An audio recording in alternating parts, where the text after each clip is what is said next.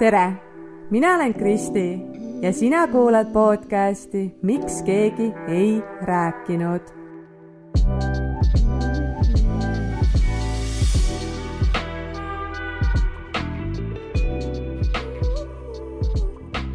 tšau, aeg lippab ikka täiega käest ära ja kuidagi märkamatult on jälle laupäev, ma ei tea, kas sellest vist saab nii-öelda mu uus podcasti ilmumise päev või või mis, aga igatahes ma lindistan praegu selle osa ära ja siis sõidame perega Lääne-Virumaale katsikule, tutikas beebi. eile ahetasin ja ohetasin täiega seal beebiriiete osakonnas, et no nii nunnud ja nii armsad on need väikesed asjad, need väikesed sokikesed riided. täiega nunnud lihtsalt. Nii tore, et, et tuleb juurde neid äh, beebisid sugulaste ja sõprade peredesse, kellele siis saab äh, neid asju osta ja, ja neid beebisid hoida ja oh, täiega nunnu ikka. aga rääkides nüüd siin jah, nendest tutikatest beebidest, sünnitusest, taastumisest äh,, siis üks teema, mille puhul ma olen tegelikult juba ammu-ammu-ammu tundnud, ma teadsin seda juba seda podcast'i nii-öelda esimest korda lindistades, et ma tahan sellest rääkida ja nüüd ma siis lõpuks jõuan selleni, ongi see sünnitusest taastumine. Ehm, ma jagan enda kogemust, ma tahan seda väga jagada, ma tean, et iga kogemus on erinev ja, ja kindlasti on palju hullemaid ja palju leebemaid aga, aga ma jah, ma ei taha mitte kedagi hirmutada, et sul ei pruugi üldse sarnane kogemus olla või, või, või ei pruugi tulla, aga lihtsalt ma kuidagi tunnen, et mina oleksin ka kunagi tahtnud teada, et vot äh, sünnitusega ei saagi kõik tegelikult nii-öelda läbi ja see taastumine võib ka paras šokk olla. Äh, mul ei olnud halli aimugi, mis asjad mind tegelikult ees ootavad. ja, ja nüüd mul on nagu ma tunnen, et ma tahan selle osa kuidagi endast maha laadida, sellega ka võib-olla nii-öelda rahu teha ja lihtsalt oma kogemust jagada, et ka nii võib olla, et keegi teine ehk on natukene teadlikum, kuigi jah, ei pruugi üldse nii minna, aga lihtsalt, et see teadlikkus on. et see ei tule niisuguse ootamatuse külma dušina kaela, nagu, nagu minul tuli. ja ma rõhutan seda, et see on minu kogemus, mida minu keha mulle pakkus. Äh, kes siis veel ei tea, mul on kolm pisikest last ja nad on kuuene, äh, kuuene poeg ja nelja ja kaheaastased tütred.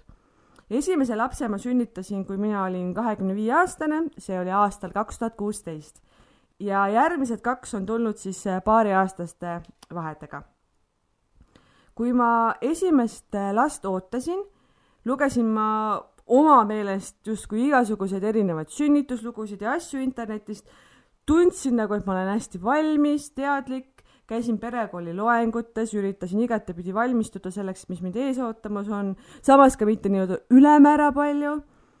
esialgu jah, ma ikkagi valmistusin nii-öelda sünnituseks, sest ma arvasingi, et see on nagu nii-öelda see kulminatsioon on ju, ja, ja sealt nagu kõik läheb palju leebemaks ja paremaks. Ja noh ilmselgelt ma sain nendes loengutes ja lugudes äh, kinnitust, et äh, sünnitus on üks paras katsumus, see võib olla ikka tõsine põrguvalu.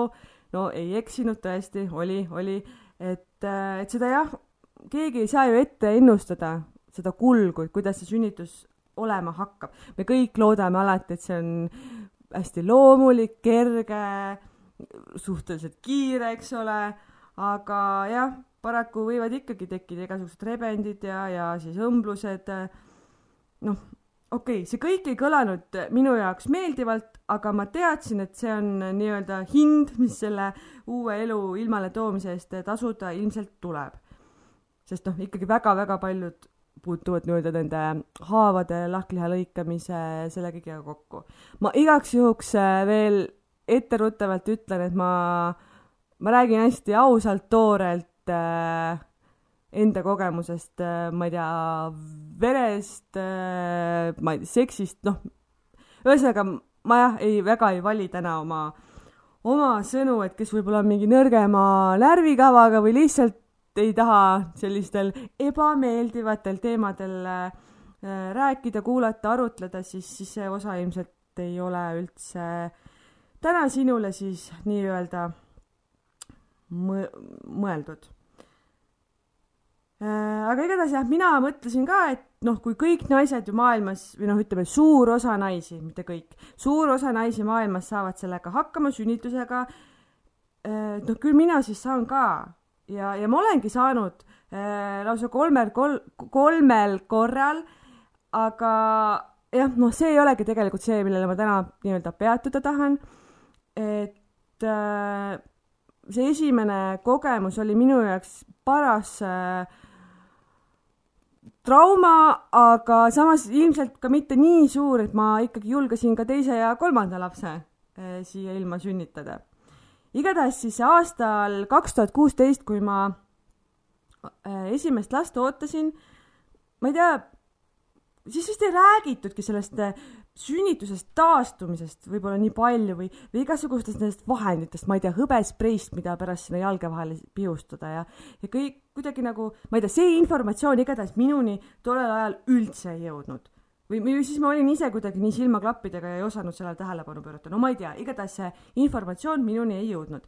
ja ma teadsin, et sünnitus on midagi äärmiselt valusat aga see, mis tegelikult peale minu esimest sünnitust pihta hakkas ja ütleme niimoodi paar nädalat või isegi kuud kestis, ma ei olnud selleks üldse valmis, nagu päriselt ka, ma tõesti ei olnud selleks valmis. miks keegi ei öelnud, et piin ei saa selle sünnitusega tegelikult otsa või ei pruugi saada? Ja esimesed nädalad võivad olla nii füüsiliselt kui ka vaimselt ikkagi üsna ebameeldivad esimene sünnitus kestis mul sellest esimesest äh, valusutsakast äh, kuni selleni, et beebi mulle rinnale pandi täpselt kaksteist tundi. ja noh, põrguvalud, ütleme niisugune päris selline sünnitus, sünnitus, sellest oli kuskil noh, circa pool ehk mingi kuus tundi. ja kuna ma ei teadnud, kaua ja kuhu see asi välja jõuab ja ma olin nii kurnatud, väsinud äh, kuidagi, ma ei tea, noh, ma ei saanud enam ikka üldse aru, mis, mis, mis toimub siis äh,, siis ma nõudsin äh, epiduraali ja, ja selle ma ka sain. ja praegu tagantjärgi analüüsides ma arvan, et, äh, et see jah, minu puhul see kiirendas sünnitust, sest et äh, tekkis poole tunniga täisavatus ja, ja noh, valud läksid ära ja, ja, ja kõik, aga pikemaajaliselt ma arvan, et tänu sellele või selle tõttu oligi mul see taastumine nii rets. et ma sain tõsise trauma sellest epiduraalist ja sellest kõigest ja, ja ma olin nii šokis, et, et nagu miks keegi mulle ei rääkinud sellest varem. ma käisin terve oma rasedusaja Pelgulinnas väga-väga toreda ämmaka juures Äh, kõik oli tipp-topp, mul nagu me klappisime väga hästi, ma usaldasin teda, kõik, kõik oli hästi, ma käisin perekoolis nii sünnituse, imetamise kui ka ma ei tea, vist tugiisiku loengus koos mehega. ja, ja ma arvasingi, et sellest kõigest piisab, et, et sealt tulebki kogu see vajalik informatsioon ja nii-öelda erilisi üllatusi ei tule. et ma olen nagu nii teadlik. praegu ma mõtlen, et appi, kui puudulik tegelikult on see tähelepanu emale peale sünnitust ämmakas oli maininud mulle epiduraali, noh, ühe variandina vist või noh, ühesõnaga ma teadsin selle olemasolust, aga selle kõrval ei olnud mind valgustatud tegelikult üldse sellega, et äh, nii-öelda sellega sünnitamise ja selleta sünnitamise erinevusi, sest ma olen täiesti kindel, et need erinevused on olemas. loomulikult jälle igal naisel on oma lugu, oma kogemus, aga jah, ma ikkagi usun, et teataval määral on need ikkagi nagu, on vahe sees, kas see epiduraal on mängus või mitte. epiduraal mõjus mulle kuskil jah, selle viie sentimeetrise avatuse pealt äh, circa poole tunniga ja mul oli täisavatus, ohoo, saab hakata pressima. ja, ja tunduski kõik nii nagu hea, et eh, kõik läks kiireks, hästi. ja okei okay,, hakkasime siis selle pressiga pihta ja mul oli alguses hästi raske seda õiget kuidagi asendit leida, mul ei olnud üldse seda õiget kehatunnetust, ma proovisin seda Järi vist on selle nimi ja proovisin ühtepidi voodis ja teistpidi voodis ja, ja no lõpuks me mingisuguse asendi leidsime ja hakkasin siis pressima, kui mulle öeldi, et tuleb pressida. et ma tundsingi tugevalt seda survetunnet ja, ja siis õigel ajal üritasin pressida. aga see jaks oli otsas ja ma ütlen, et noh, see tunnetus, et mul ei olnud nagu tunnetust. ja ma pressisin äh,, pressisin nii, nagu poleks homset, lihtsalt jõhkralt retsilt pressisin selle lapse oma kehast välja. ja see oli tegelikult täiesti selline nii-öelda saatuslik viga. jah, ma sain oma beebikese kätte ja, ja suuremat õnnetunnet ma ei ole oma elus kogenud, kui see esimese lapse sünd, see on midagi täiesti erakordset, selline armastuse tulv, mis kohe nagu sekundiga päriselt tuli. noh, jah et see oli nagu midagi täiesti teist. et eks iga sünnitanud naine, naine teab, millest ma ilmselt räägin ja aga nüüd ma tahaks jõuda siis nende asjadeni, milleks ma siis äh, nii-öelda valmis ei olnud äh,. Oma ideaalses maailmas ma arvasin, et kui beebi rinnale pannakse, siis ma lahistan nutta et noh, nagu ma ütlesingi, et noh, see suur armastuse tunne ja kõik see, et ma arvasingi, et need emotsioonid on sellised hästi ülevoolavad ja noh, täiesti sihuke filmilik värk aga reaalsus oli see, et ma ei poetanud mitte ühte ainsamatki pisarat äh, kohe vahetult pärast sünnitust siis, sest et ma olin nii väsinud ja tegelikult mul oli ainukene mõte see, et ma tahaks magada. Ma tahaks magada, aga ma ei saanud magada, kuna mul epiduraal mõjus imehästi ja ma presside ajal tuhusid enam ei tundnud ega tegelikult äh, ei olnud jah, nagu ma en, olen siin mitmeid kordi juba maininud, ei olnud nagu seda tunnetust siis äh, ma pressisin ennast üpriski katki ja mulle tehti ka see lahklihalõige, mida siis pärast õmblema hakati. no okei okay,, õmblustega ma olin ka kursis, aga ma ei arvanud kuidagi, et ma nagu reaalselt seda igat nõelapistet tunnen. ja ma mäletan, kuidas ma põhimõtteliselt iga kord, kui see nõe mulle sisse pisteti, ma seal laulsin seda valu nii-öelda üle. noh, tegelikult ma viskasin nalja ka ja sihuke, ei olnud nagu midagi nii hullu ja okei okay,, noh, tundsin ennast kui katkise kannaga sokk, mida seal parandatakse. no okei okay,, see selleks.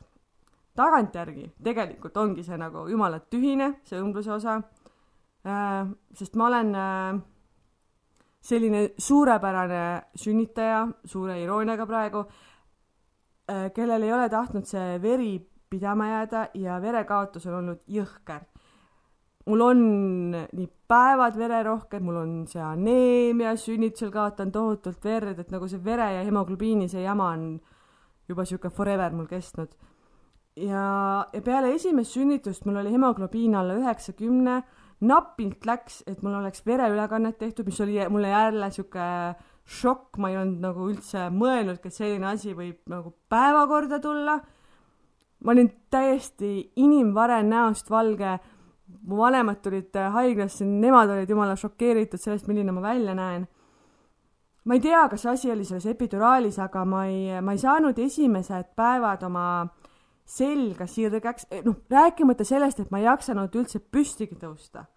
siis äh, mind utsutati usinasti kogu aeg pissile, et emakas saaks tagasi tõmbuda ja, ja ma läksingi nagu, kui ma, kui ma lõpuks olin suuteline üldse sealt voodist püsti tõusma, siis ma läksingi täiesti siukse küü-, küürakana sinna WC poole.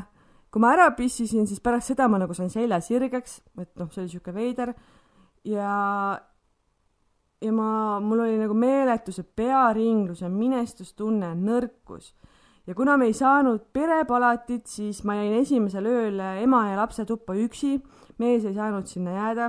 Ja ma olin nii kuttu, et iga kord, kui Peepsu oma voodis nutma hakkas, siis ma helistasin ämmakale ja palusin, et ta tuleks äh, sinna minu palatisse ja tõstaks beebi mulle kaissu ja, ja aitaks rinnale panna ja ja mina siis imetlesin seda väikest inimest, ma olin terve selle öö magamata, ma ei maganud sekunditki, kuigi esimene asi pärast sünnitust mul oli see tunne, et aa, ma tahaks ainult magada, magada, magada, siis äh, kogu selles adrenaliini ja eufooria laksus ma magada ei suutnud.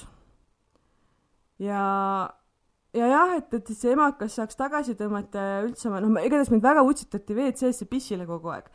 ja minu järgmine šokk oligi see, kui ma voodist tõusin mis oli juba iseenesest ju meeletu suur pingutus ja see oli raske.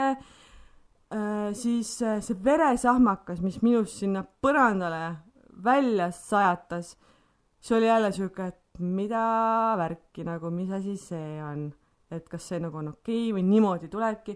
noh, ilmselgelt ma olin pikal asendis olnud, see veri ei olnud saanud sellisel kujul minust välja tulla, ma tõusin püsti, gravitatsioon, tšah, kõik lendas välja. Aga see oli jälle see ehmatuskoht, sellepärast et ma teadsin, et peale sünnitust on veritsus, aga ma ei kujutanud ette, et see on nagu sellises mastaabis noh, minu puhul on jällegi see asi äärmuslik, et ma tean, mu sõbrannade puhul on tõesti nagu sihuke ala kergem määrimine, onju ja, ja minul oli nagu verd ilmselgelt, tähendab, mul tuli verd ilmselgelt liiga palju. et see ei ole nagu sihuke keskmine mingi standard, mis mul on, et ma olin ikkagi selles äärmuses. Aga kuna ma polnud kuulnud kunagi sellist asja, siis ma ei osanud isegi nagu aimata, et see võiks äh, mingi teema olla. ja, ja jah, et kui ma ikkagi jah, sõbrannadega olen rääkinud, siis teistel on ikka oluliselt äh, lebom nii-öelda see osa siis olnud uh, ja siis need ämmakapressid sinna alakõhule, jälle asi, mida keegi polnud mulle enne öelnud, et nagu okei okay,, et see emakas hakkab tagasi tõmbama, see kõik on hästi loogiline, aga kui sa ei ole selle mingi meditsiini, meditsiinis sees ja sellega üldse kuidagi tuttav, siis, siis noh, oled nagu täiesti võõras selles teemas, siis, siis need asjad ei, ei tundu loogilised või sa ei oska neid nagu ette mõelda või ette arvata, et need võiks nagu tulla üldse päevakorda ja, ja siis need ämmakapressid sinna alakõhule, nagu neil ma kindlalt ei igatse, sest et see oli nii valus ja ebamugavus ja, ja siis see, kuidas jälle seda verd kurat välja purskas. No see oli nii õudne minu jaoks. et äh, kui noh, ma ütlen, et kui ma oleks teadnud, siis see šokk ei oleks olnud selline, aga ma ei teadnud. ja teisel päeval ma juba tundsin, et mul on tagumikus sihuke imelik äh, imelik survetunne, ebamugavus ja, ja kuna see sünnituse press oli ka kergelt nagu selline number kahel käimine, siis ma ilmselt äh, noh, tänu epiduraalile mul ei olnud seda korralikku tunnetust ja ma pressisin äh, liigselt võib-olla sealt tagumikust ja, ja ilmselt jah, siis tänu sellele või selle tõttu ma tegin liiga endale ma, ma tundsin, et midagi on valesti, et see ei ole, asi ei ole õige. ämmakas vaatas, oi, kõik on normaalne, ei ole midagi siin. aga mina ju tunnen oma keha ja, ja, ja saan aru, et, et, et see ei ole normis. ja ma olin nii kurnatud sellest verekaotusest, magamatusest, emotsioonidest, kõigest, siis äh, ma ei jaksanud beebiga ise tegeleda, esimesed paar nädalat tegelikult, ja mu elukaaslane äh, lapse isa võttis kõik eh, beebipesud ja mähkmevahetused enda kanda. ma ei julgenud vist haiglas nendel esimestel päevadel eh, kordagi oma last ise tõsta, sest ma olin nii jõuetu, ma tundsin, et ma ei nagu ei kontrolli, äkki ma pillendan maha, ta on nii pisike. ja, ja sealt hakkas natuke selline emotsioon, emotsioonide virvarr tulema et ma ei saa hakkama, et ma ei tee neid asju ise ja ma ei julge. me olime vist kolm ööd haiglas ja siis saime koju, noh kodus kuidagi tuli nagu natuke selline uus hingamine, ma sain oma riided, oma asjad, oma voodi. Aga tegelikult hakkas sealt äh, justkui selline õudusunenägu alles pihta. et okei okay,, see veritsus ja õmblused noh, istuda ei saa, lihased on sellest meeletust pingutusest valusad, tundsin selliseid lihaseid nagu noh, mida ma polnud elus enne tundnud. noh, see selleks. aga see tunne tagumikus, see läks nagu iga hetkega hullemaks, see ei läinud ära, see muutus ainult hullemaks. Ja selle tunde pealt äh, kui ma esimest korda seal peale mingit neljandat päeva tundsin, et oleks vaja vetsu number kahte tegema minna siis see oli hirmus, sest et ma tundsin seal tagumikus nii tohutut ebamugavust, mingit kihelust, mul oli nii paha ja, ja kuidagi nagu ei julgenud sinna potile minna, ennast lõdvaks lasta. see oli nagu totaalne katsumus, ma arvan, ma istusin seal mingi pool tundi, üritasin kuidagi selle asjaga seal hakkama saada, lõdvestuda, ma ei tea, ja lõpuks, kui seal nagu mingiks asjaks läks, siis mul oli selline tunne, et mul tuleb tagumikust mingit kruusa. see oli ka nii valus ja nii ebamugav ja nii nagu, nii õudne. et nagu aah, appi. Ja, ja mis sealt siis veel tuli, et oligi see, et ma peale selle kuradi kruusa sain need hemoroidid. nagu piiks, piiks, ma tahaks panna piiksu peale kõikidele nendele sõnadele praegu, mida ma öelda tahaks, et ja ma ütlen ausalt, et, et ma olin kuulnud neist ja teadsin, et need võivad rased, nagu raseduse ajal tekkida või mul oli kuidagi selline arvamus, et, et need võivad raseduse ajal tekkida, mul oli kõik okei okay,, kuniks siis ei olnud okei okay. See ebamugavustunne, kihelus, sügelus äh,, siis see side, side seal, umbne veritsus, kogu see kombo seal püksis, see oli minu jaoks eriline piin et ma oleks tahtnud ainult äh, voolava sooja vee all istuda ja olla, et seal oli nagu enam-vähem mugav, et see kogu aeg puhastas, leevendas. aga, aga kõik muu oli nagu kohutav. Et ma mäletan, kui me tahtsime või me läksimegi jalutama, mõtlesime, et teeme esimese mingi väiksema ringikese ja me saime heal juhul mingi kolmsada meetrit kodus kõndida, kui ma tundsin, et see olukord seal jalge vahel on nii piinarikas, et ma lihtsalt ei suuda.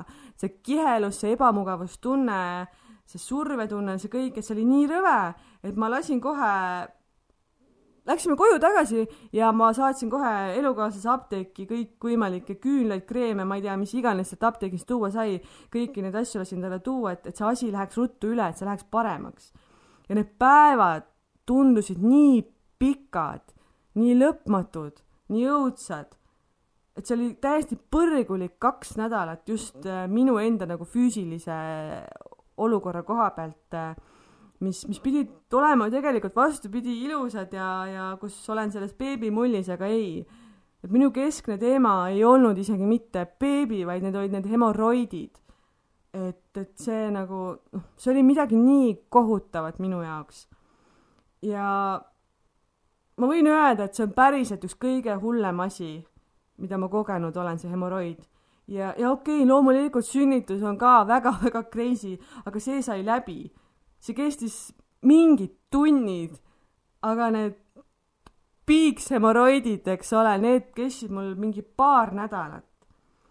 ja selle füüsilise jama kõrval see hormoonide möll sinna juurde kõik need emotsioonid korraga, pidev nutmine õnnest, siis väsimusest, siis kohanemisest, igatsusest, ma ei tea, armastusest, sellest tundest, et ma ei saa hakkama, sellest tundest, et mu see vana elu on läinud, siis jälle vaatad oma beebit, mõtled täiesti uskumatu, ta on minu oma.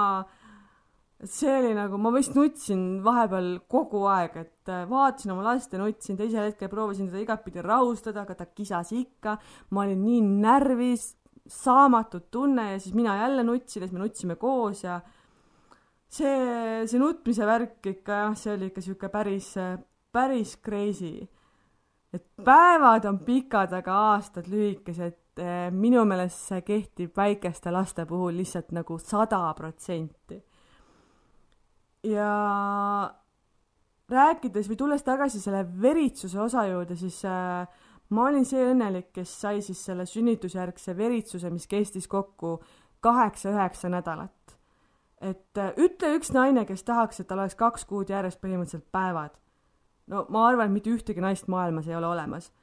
ja, siis, kui ma kuulen, et mul sõbrannadel võib-olla mingi kolme nädala pealt juba lõppes veritsus ära ja siis ma mingi, okei okay,, mul oli veel, veel kuus nädalat, onju. et noh, jah sellega läks mul ka nii-öelda pekki, aga no see on mingi minu keha isepärasus, et noh, siin ei olegi midagi teha. mu kehal oli vaja puhastuda siis nõnda, nõnda palju. ja, ja ma ei mäleta isegi seda, et kui kaua läks aega, et see tunne seal jalge vahel oleks jälle selline normaalne, tavaline, nii-öelda enne sünnitust.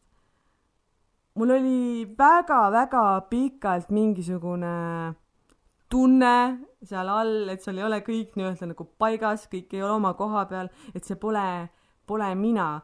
ja tegelikult noh, mu viimasest sünnitusest on möödas varsti kaks ja pool aastat, aga näiteks kui ma batuudi peal hüppan, siis mul ikkagi selline tunne, et seal ei ole kõik, kõik eh, paigas ja noh, see on jälle see oma rumalus ka, et ega ma ei ole teinud absoluutselt mingisuguseid vaagnapõhja lihaste harjutus ja mul ei ole tupekuule ja ja noh, et see kõik, ma tean, et on treenitav ja see saaks kõike nagu paremaks.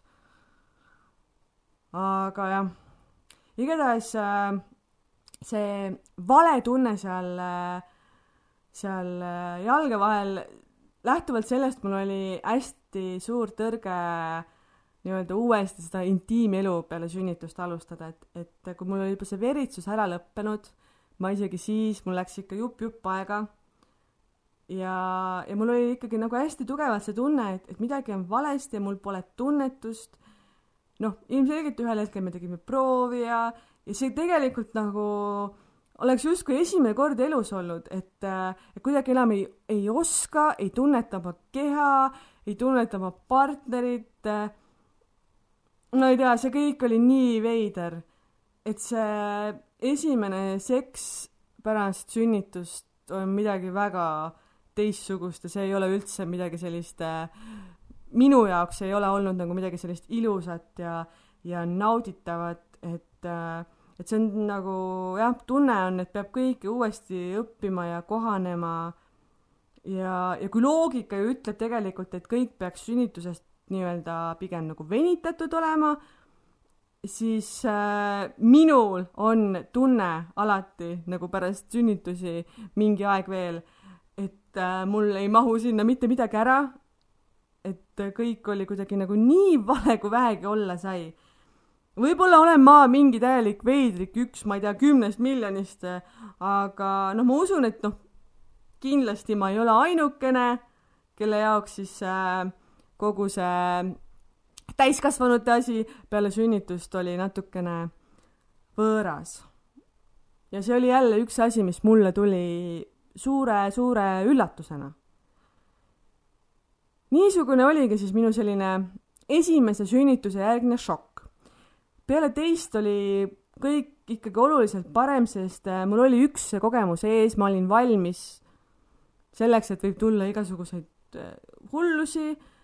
Ja kuna keha oli selle juba mõne aasta eest äh, ju alles hiljuti läbi teinud, siis õnneks seekord läks palju kiiremini, ma sünnitasin ilma mingisuguste abivahenditeta, täiesti loomulikul teel ise, ei mingit epiduraali. ma sain teada, et ka presside ajal on tuhudevalud ja see on hoopis midagi muud kui epiduraaliga sünnitada. see tunnetus, see kõik ja mul oli see tohutu hirm nende hemoroidide ees, ma kuidagi hästi teadlikult hoidsin seda tagumist poolt, et mitte nagu seda pressi sinna suunata ma, jah, see oli kuidagi hoopis teistmoodi ja seekord ma sain äh, sisemised rebendid ja väljast jäin täiesti terveks.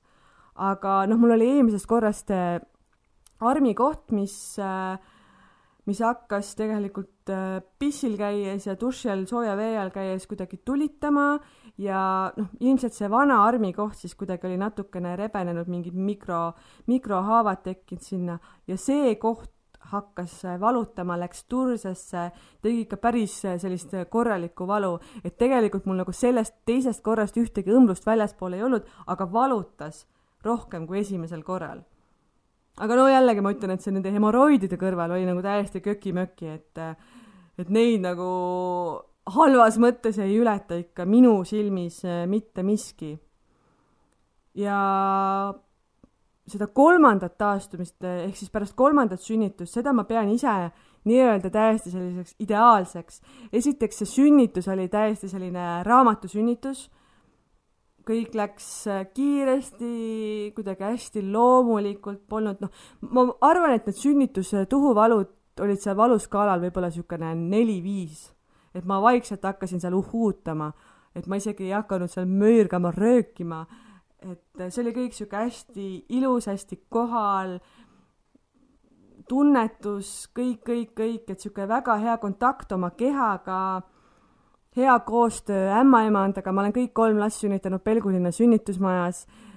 Minu kogemus nende ämmaemandate ja arstidega seal on lihtsalt super ma olen hästi-hästi tänulik, et nad on aidanud mul kolm tervet last ilmale tuua väga,. väga-väga kiidan äh, kõiki Pelgulinna sünnitusmaja töötajaid.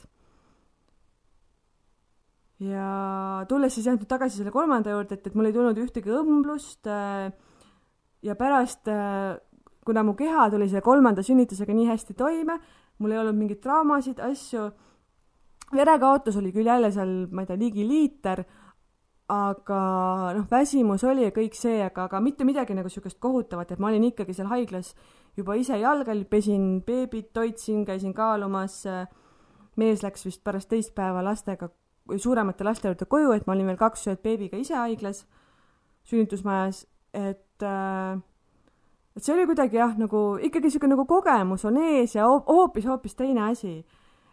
ja ma saingi selles äh, beebimullis kodus pikutada, teda kaisutada, lihtsalt olla selles hetkes nii kaua, kui saab. ma ei kiirustanud kuskile, ma ei, ma ei, ma ei teinud mingit rööprähklemist. et ma teadsin, et ma jõuan kõike nagu hiljem ka, ma ei pea praegu koristama iga kord, kui beebi magab või ma võingi lasta tal tunde enda kõhu peal magada, ise telekat vaadata et äh, mul on nagu jah kahju sellest, et kui esimene laps sündis, siis ma kuidagi tundsin, et ma pean nagu kõike jõudma samaväärselt nagu enne last, koristada, süüa teha, noh, kõike, kõike ja siis tema ka sinna juurde. aga siis ma oligi, et võib-olla panin teda liiga palju kuskile nii-öelda käest ära ja tegelesin millegi muuga. et ta lebas üksinda rahulikult voodis, selle asemel, et ma oleks võinud tegelikult talle seda lähedust pakkuda ja ise seda nautida, aga noh, jällegi see on see esimene kogemus ja ma ei osanud. ja see on nagu see üks soovitus, mida ma alati kõigile nii-öelda värsketele emadele tahan öelda, et ärge kiirustage kuskile ja las need kõik, las need mustad nõud ja must pesu koguneb ja, ja küll mees saab ka need pestud ja ei ole hullu midagi, et ole lihtsalt kohal, sest see aeg on nii üürikene ja sa pärast jääd seda täiega tagant igatsema, et isegi kui need on need magamata ööd ja gaasid ja kõik see jama, siis tegelikult see aeg on nii lühikene, see läheb nii-nii ruttu ruttu mööda. Mis ma ise arvan, et, et on see, et ma ei olnud üldse teadlik äh, päriselt äh, sellest, et kuidas sünnitada. ma tean, et praegu on igasuguseid, noh, saad endale toala võtta ja igasugused mingid hüpnosünnitused ja igast koolitused ja asjad ja kuidagi õpetatakse hingama rohkem ja tunnetama ja noh, tunnen, et selle ajaga on nagu juba see teadlikkus tegelikult palju rohkem tõusnud, kui mina esimest korda emaks sain ja see oli ju tegelikult alles seitse aastat tagasi. et äh, no mis asja nagu, ma ju ei teadnud isegi seda, et ma pean platsentat sünnitama. ehk et kui ma olin beebi, oma esimese beebi välja pressinud, ma olin nii väsinud ja siis see ämmakas ütleb mulle, et noh, nüüd tuleb veel platsenta ka välja pressida. okei okay,, see ei olnud mingi suur nagu mingi meeletu eneseületus, aga ma olin nagu mingi, mis asja et nagu mul polnud õrna aimugi, et ma olin ikka jumala roheline, jumala ohmu. ma ei olnud nagu kunagi mõelnud sellele, et kuidas see nagu mu kehast välja saab. või et, et see ei tule koos beebiga või noh, mis iganes. epiduraal tegi mu niivõrd tuimaks, et ma ei omanud mitte mingisugust kontrolli ja tunnetust oma keha üle. Äh, kuna mul on võrdluseks nüüd kaks sünnitust, kus ma ei ole epiduraali kasutanud, kus ma olen täiesti ise sünnitanud ilma ühegi valuvaigisti, ma ei, ma pole kunagi naerugaasi või noh, mitte midagi võtnud, et, et ma tean, milline see tunnetus tegelikult kehal on ja kuidas see noh, kuidas see nagu päriselt hoopis teistmoodi, teistmoodi käib, et äh, et ma ei saa nagu, et ma jah, esimene kord, kuna ma olin nagu tuim nii-öelda sealt alt, siis ma pressisin liiga palju sealt tagantpoolt ja mitte niivõrd siis äh, äh, oma tupest äh, beebit välja.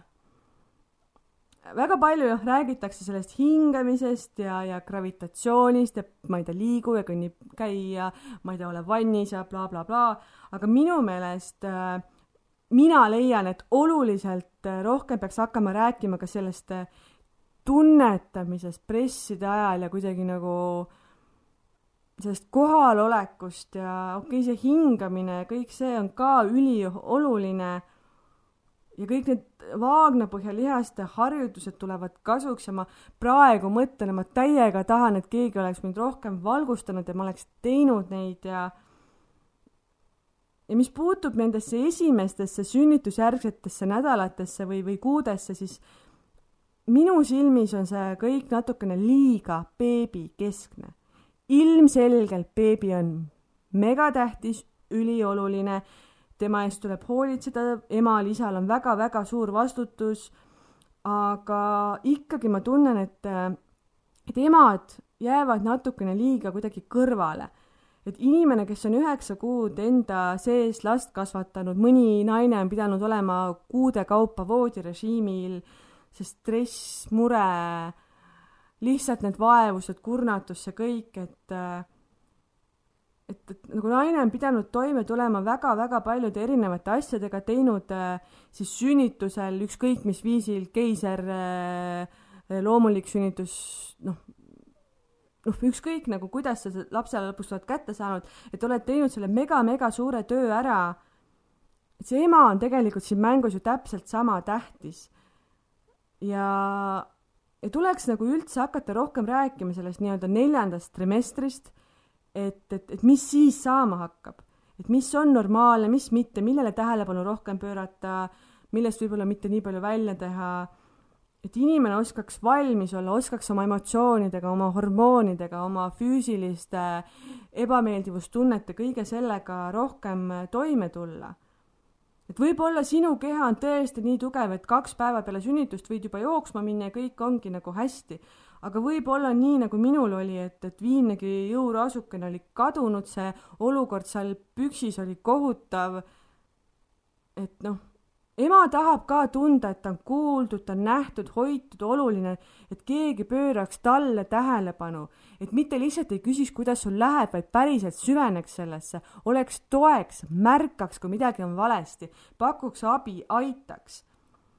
et, et keegi nagu tõsiselt keskenduks sellele, et mida ema tunneb ja läbi elab, mida ta vajab. see laps võib olla väga-väga-väga oodatud, aga samas võib tekkida sünnitusjärgne trauma kuidagi see depressioon, võib-olla see, et ei kohane selle lapsega, tunned, et sa ei tunne nagu seda armastust kohe või seda lähedust lapsega, et kuidas sellega kõigega toime tulla. mitte ainult see, et kuule, sa oled hea ema, kui sa rinnapiima annad ja anna ikka piima ja piima, kus ikka rinnast piima tuleb ja et noh, see surve ja, ja need ootused emale on minu meelest natukene nagu proportsioonist äh, väljas. et ema annab tihti endast kõik beebile noh, endale ei jäägi nagu mitte midagi ja, ja ta vajab sinna kõrvale tohutult tuge. no noh, mees, vanemad, kõik sõbrannad, kõik, kõik saavad ait-, aidata, aga, ja ma ei mõtle nagu ainult seda, et keegi vahetab seal ise lapsel mähkmeid, vaid pigem just äh, seda, et ema saaks ventileerida natukene oma aega, nõustamist, julgustamist, sellist äh, noh, tuge kõige siiramas mõttes et keegi hoiaks emal silma peal, et kas ta ikkagi tegelikult tuleb selle uue olukorraga niivõrd hästi toime, nagu ta väidab.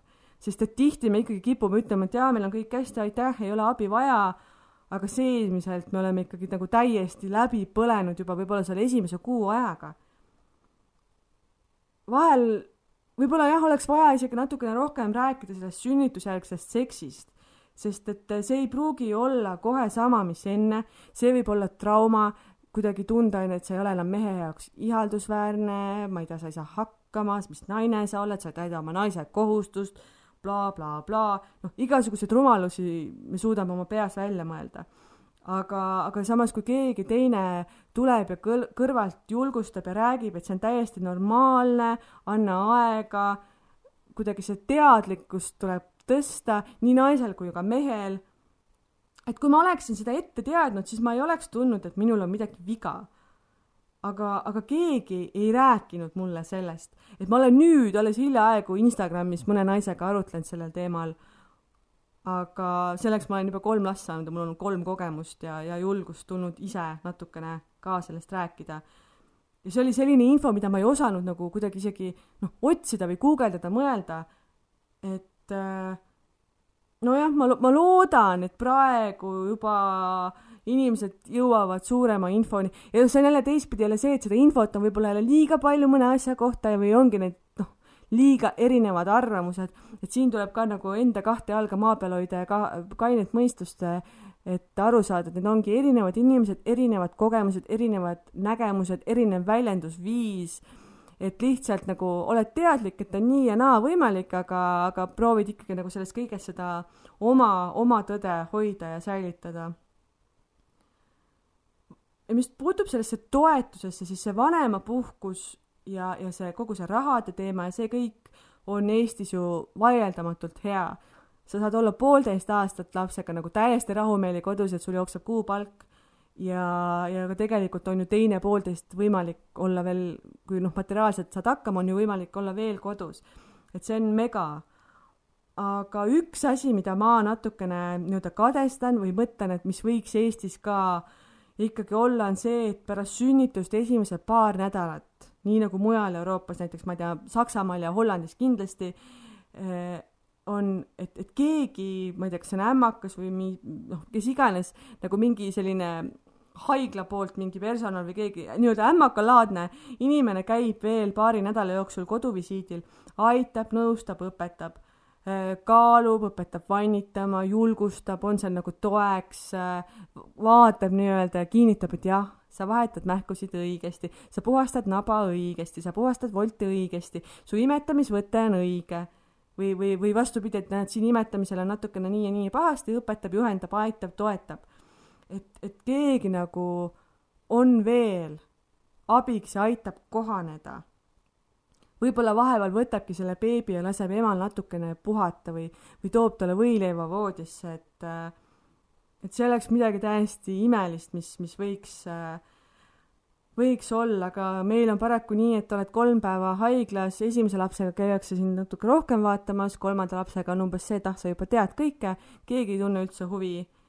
Noh, see on jälle see minu kogemus, et mul olid haiglas äh, esimese lapsega, ma mäletan, iga vahetus erineva generatsiooni ämmakad kes siis igaüks rääkis oma juttu, kellel olid omad tõekspidamised, omad arvamused, oma imetamisvõtted, söögiaegade vahe ühel võis olla nii kaua, kui beebi ise küsib, teisel ju täpselt, ma ei tea, kaks ja pool tundi.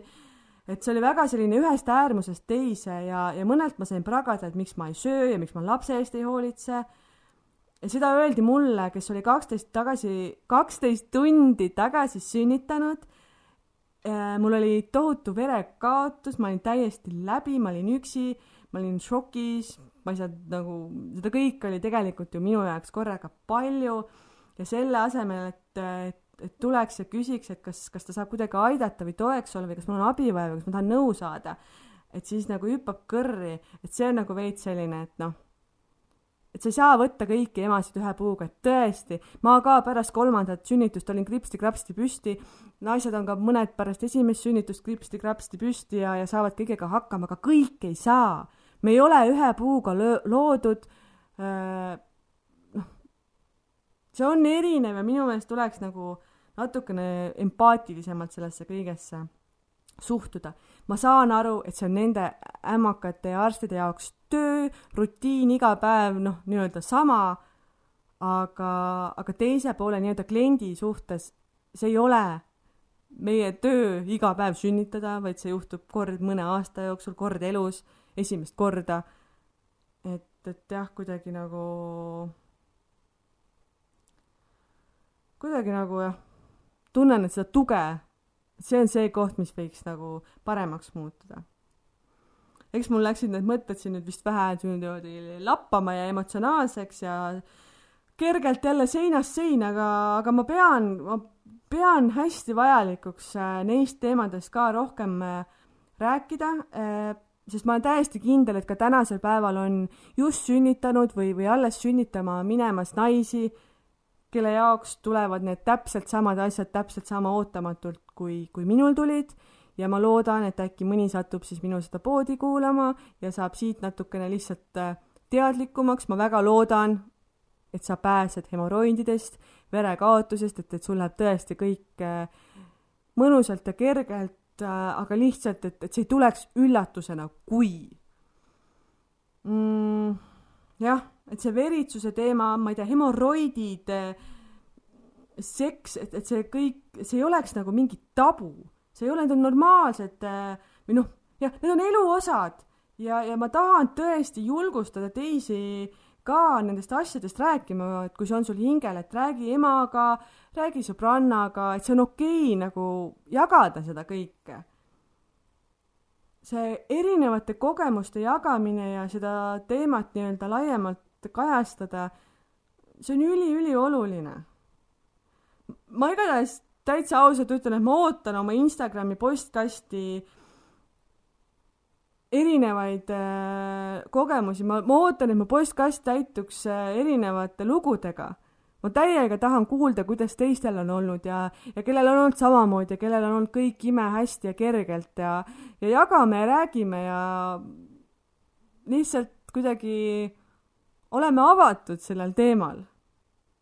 mul nüüd hakkab see keel siin sõlme alla minema ja kuidagi juhe veits kokku jooksma, et, et tõmban tänaseks äh, siin otsad kokku.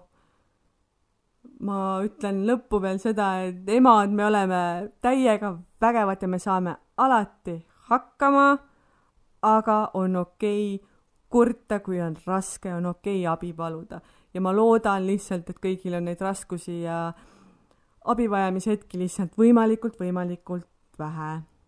Järgmise nädalani, tšau!